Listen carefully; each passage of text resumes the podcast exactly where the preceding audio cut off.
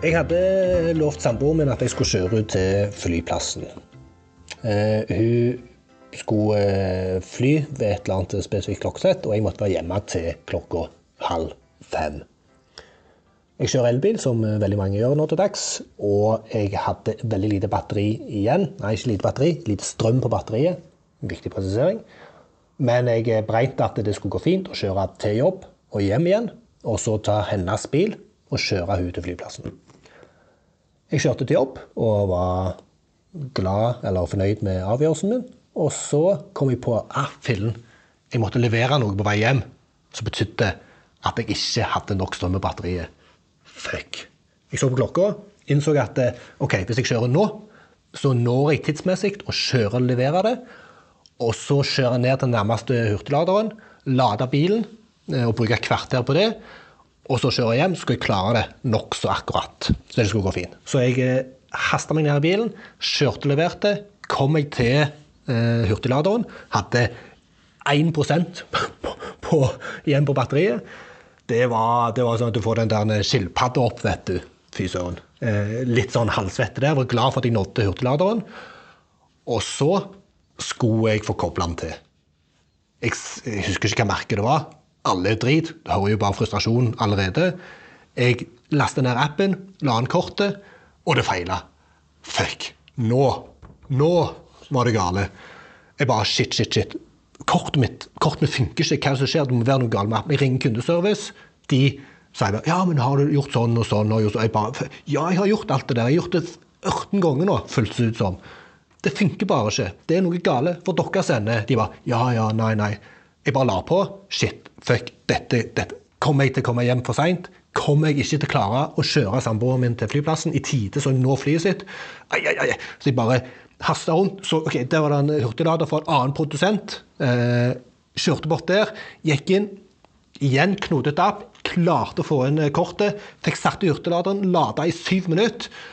Fikk akkurat nok kilometer til å komme meg hjem og jeg nådde det med nød og nippe. Men den opplevelsen jeg hadde av å ikke klare å hurtiglade, det øyeblikket der hvor jeg ble så eitrende forbanna, det hadde noen konsekvenser. Vi har skrevet en bok om design og psykologi. Den heter Erg. Du er Lars, og du er psykolog. Jeg er Erling, og jeg er designer. Dette er en podkastserie på fem episoder. Dette er episode tre, og vi skal snakke om følelser for viderekomne. Hva var det som skjedde med meg, Lars? Åh, jeg må puste. ja, ja heftige greier. Litt, eh, nei, eh, fantastisk historie. I hvert fall nå i etterkant. Kanskje ikke så fantastisk i øyeblikket. Nei, det var for jævlig. men, eh, og definitivt en historie med en del forskjellige følelser. Og det, er, og det, det har en kompleksitet som vi skal snakke om. Absolutt, absolutt. Og noe av det som vi skal være innom, er jo da det som vi kaller for psykodynamiske prosesser, som er en sånn fancy greie. Og så skal vi også si litt om toleransevinduet, som er en annen modell som er knytta til følelser og brukere mm. eh, sine følelser. Og vi kan starte med de psykodynamiske prosessene. For hva? Du sier at du ble eitrende forbanna. Ja. Um, jeg, jeg, holdt i telefonen og husker at jeg bare jeg klemte så hardt på telefonen at den begynte å skjelve. Og jeg måtte liksom roe meg ned litt for at jeg ikke skulle hive den i bakken. Fordi at jeg var så forbanna på at det ikke funka. Ja, da er du ganske forbanna. Ganske, ganske mye intensitet i følelsene dine. Stemmer. Eh, og så er det jo sånn da, at Noen ganger når vi blir skikkelig forbanna, så ligger det av og til andre følelser under mm. den følelsen. Så du har den følelsen som uttrykkes, altså i ditt tilfelle sinne, mm. eh, så kan det være at i dette tilfellet så ligger det òg en annen følelse å luske mm. unna sinnet. Oi. Tror du det kan stemme? Det tror jeg gjerne. Okay. Men det er fordi jeg vet svaret på dette. Ja. Men det kan godt være, altså. Ja, ja, ja sant. Så hvis um... For det vi, det, det, vi nå, det vi, gjør nå, er jo å mentalisere meg i den situasjonen. Stemmer det. Prøve å forstå Erlings hjerne mm. og kropp. Hva hadde skjedd hvis du ikke hadde rekt det?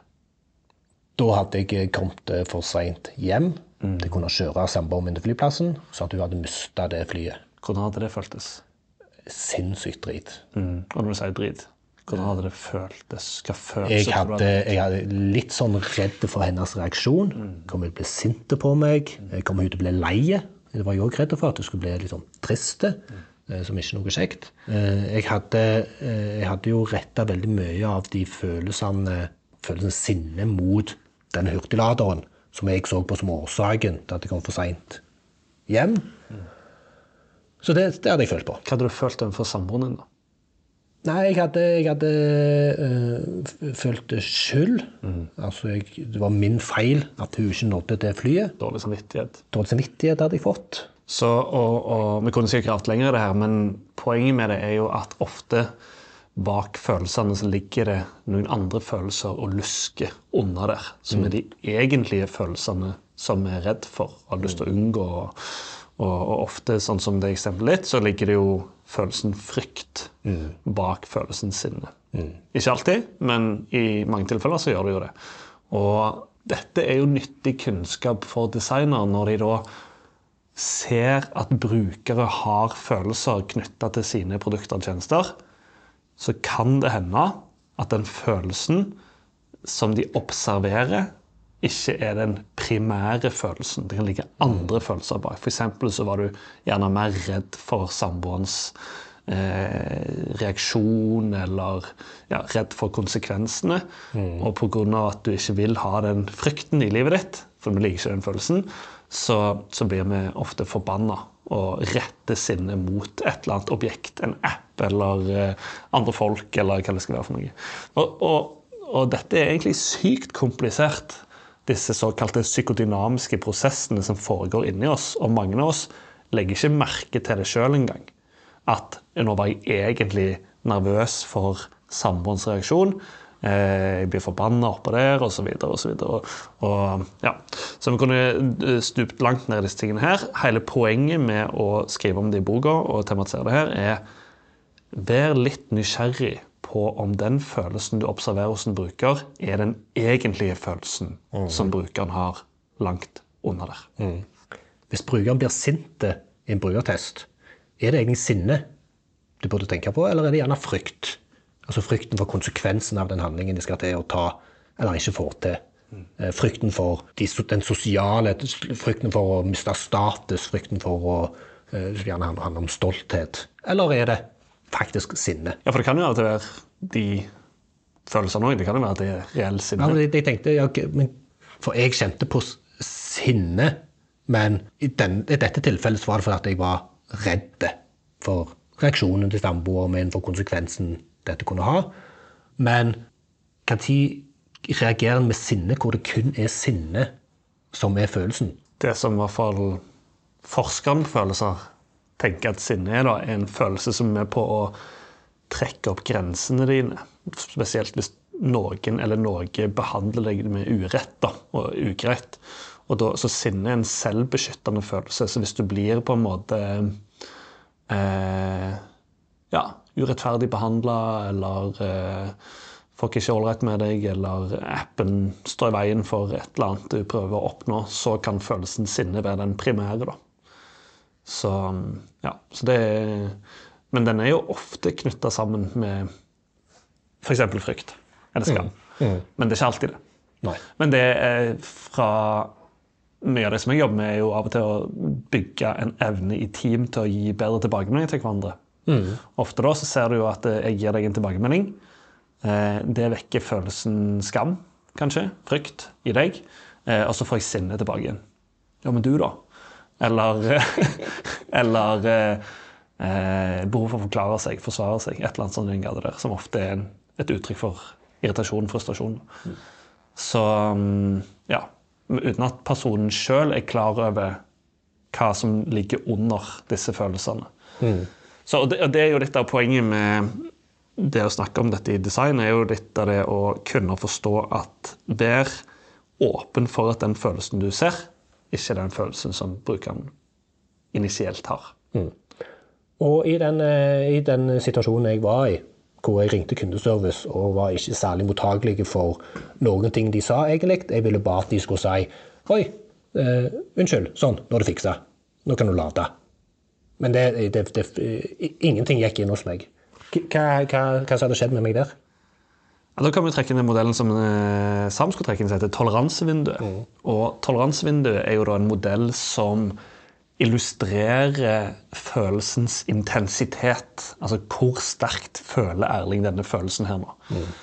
Eh, og i dette toleransevinduet da, så er det en sånn sier vi at hvis du ligger på innsiden av toleransevinduet, så er du nokså sånn på stell i huet ditt og, og hjernen din. Du har for så vidt en viss kontroll. Så kan vi gå forbi toleransevinduet, altså vi krysser ei kritisk grense som gjør at vi blir så sinte eller så redde eller så skamfulle at, at hjernen vår begynner å fungere annerledes. Eh, ofte dårligere. Eh, I hvert fall liksom eh, for det meste. Da. Vi kan bli dårligere på å ta andres perspektiv. Eller mentalisere, som vi har snakket om. Vi kan bli dårligere på å forstå vår, oss sjøl ta vårt eget perspektiv. Vi blir dårligere på å kommunisere, vi blir dårligere på å ta avgjørelser og beslutninger. Vi blir generelt ganske mye dummere versjoner av oss sjøl når vi går opp forbi toleransevinduet. Og, så det blir en sånn over altså På fagspråk kaller vi det hyperaktivering. Det blir masse energi og aktivering. Sant? Satan, altså, jeg er forbanna. Mm. Eh, sjelden bra. Dårlig å snakke med hverandre mm. når vi er der. Så kan vi òg i denne modellen toleransevindu kan vi også gå under. Mm. Altså hypo på fagspråket. Hypoaktivering. Og da blir det sånn åh, Så tappes vi for energi. Det blir sånn tungt. Det blir sånn potetsekk. Det kan bli sånn åh, oppgitt. Ja. Og, og, og, kroppen føles tyngre. og Jeg husker en komiker som brukte, når han brukte ordet shoppingkropp når han gikk på shopping med samboeren sin. Mm. Han følte liksom Gikk inn på butikken og så bare klapsa hele kroppen sammen. Mm. Han bare mista energien. Da ble han hypoaktivert. Mm. Og det kan jo òg skje eh, med produkter og tjenester. og Spesielt f.eks. noe av det som vi ser skjer med brukere, er at de først blir hyperaktiverte. Irriterende. Ah, får det ikke til.' Da, da, da, da. Mm. Og så prøver de på ny, prøver på ny, prøver på ny. Mm. Og så til slutt så Jeg får det søren meg ikke til. Jeg gidder ikke mer. Åh. Så går lufta ut av ballongen. Ja. Så vi går fra å være hyperaktiverte til å bli hypoaktiverte. Mm. Og det er òg et kjedelig sted å ha brukerne sine. Mm. For da er det ikke veldig fristende for de å komme tilbake igjen. Stemmer. Eh, og det er, eh, det er både ytre omstendigheter som kan føre til at en havner ut forbi toleransevinduet, eh, som jo reduserer evnene til å løse oppgaver. Eh, den rasjonelle evnen går ned, den logiske evnen går ned. Alt går ned. Og i produktverdenen kan vi ha eksempler når du springer til bussen, skal kjøpe billett. Da kan det være at du er så redd for å miste den bussen at du er ute forbi toleransevinduet. Evnen din til å løse billettkjøpoppgaven går da kraftig ned. Det kan være at det er dårlig kundeservice. Du eh, prøver å fortelle din situasjon, blir ikke møtt, blir forbanna og går ut av toleransevinduet.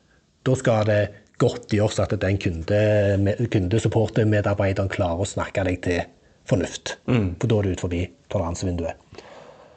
Og du hadde jo et veldig godt eksempel her. Ja. Dette med å betale i kassen, og at kortet blir avvist. Ja, Det kan i hvert fall jeg kjenne på, da. Som en ja, eh, kunde av matbutikker. Så kan jeg ha en frykt for å komme fram til kassen, skal betale for meg 470 kroner, pipekortet mitt, eller telefonen i disse dager, mm. og så står det 'avvist'. Oi. Da, kø bak deg. Ja, da vekk. For det dømmende blikket fra kassemedarbeideren. Ja, sant. Oi, den ble avvist, den, sier kassemedarbeideren. Og alle hører det. Mm. ikke, ikke, nok penger på kortet. Mm. Da føler jeg skam. Mm. Ja. Og kan havne forbi Trolllandsvinduet. Ja, jeg tror jeg og kunne blitt litt sånn øh, øh, øh, jeg, jeg, jeg, har penger, altså. Ja, altså for behov for å klare. Så um, det er et eksempel på hvor vi kan gå og bli hyper, altså overaktiverte. da, ofte. Ja.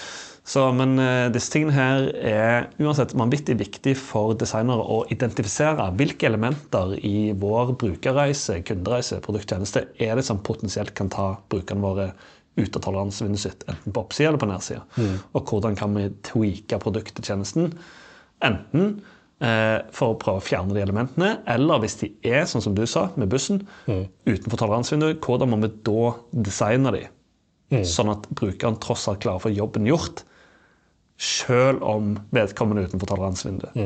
Og så synes jeg det er litt spennende også, for det er jo noen produkter som intensjonelt eller med vilje prøver å få brukerne ut av toleransevinduet Ja. fordi det er nyttig. Altså typisk sånn um, førstehjelpstrening. Eh, hvis du ser en person falle om på gata, så er det en sannsynlighet for at du er ganske stressa eller potensielt utenfor toleransevinduet ditt. Og det å da klare å være forberedt nok, og selv om du er der ute, klare å gjennomføre eh, livreddende hjelp, f.eks. Da vil du jo da, Når folk skal trene seg på dette, så vil du gjerne prøve å ha de utenfor toleransevinduet, for da er det mer realistisk, eh, den treningssituasjonen der. da. Så da vil du gjerne prøve å designe et scenario. Vet ikke hvordan de gjør det, altså. men du vil gjerne prøve på det da, for å eh, gjøre treningen mest mulig gyldig og anvendbar i en eventuell krisesituasjon. Eh, og så er det jo sånn at størrelsen på toleransevinduet varierer fra person til person, og det varierer fra en tid, en situasjon til en annen. Som vil si at eh, hvor mye det skal til for at du går utenfor toleransevinduet, er fleksibelt. Det er ikke sånn at det er konstant. For de som har veldig små barn, skjønner de at de går veldig fort ut av toleransevinduet sitt. Fort griner, fort forbanna, eh, fort eh, legger seg ned og er oppgitt. holdt jeg på å si. Vi sier han at de har kort vei til følelse. Stemmer det. Sant? Og det er akkurat det. Det handler om at de har et smalt toleransevindu. Og så forhåpentligvis over tid da, så utvides dette toleransevinduet. Men er du veldig sulten, er du, har du kjempemasse å gjøre på jobb, har du eh, deadlines, har du vanskelige kolleger, eller hva det skal være for noe, så gjør det at toleransevinduet vårt blir smalere, og det skal mindre til. Så det kan jo være at noen produkter og tjenester som brukere ofte er i den situasjonen der, sånn trøtte, sultne restauranter, ikke deg. så er det ekstra viktig når den brukeren kommer inn, er sulten, at du er klar over de har et litt smalt toleransevindu nå.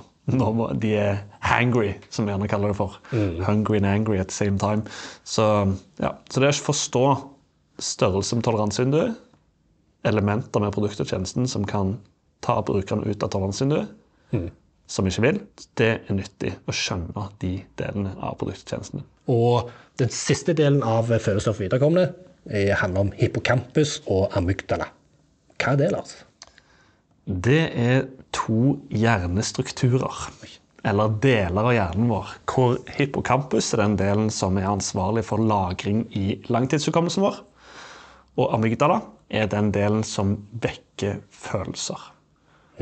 Det som er sykt interessant, eller i hvert fall involvert i følelser, det som er sykt interessant med disse to delene her, er at de ligger rett ved siden av hverandre i hjernen vår.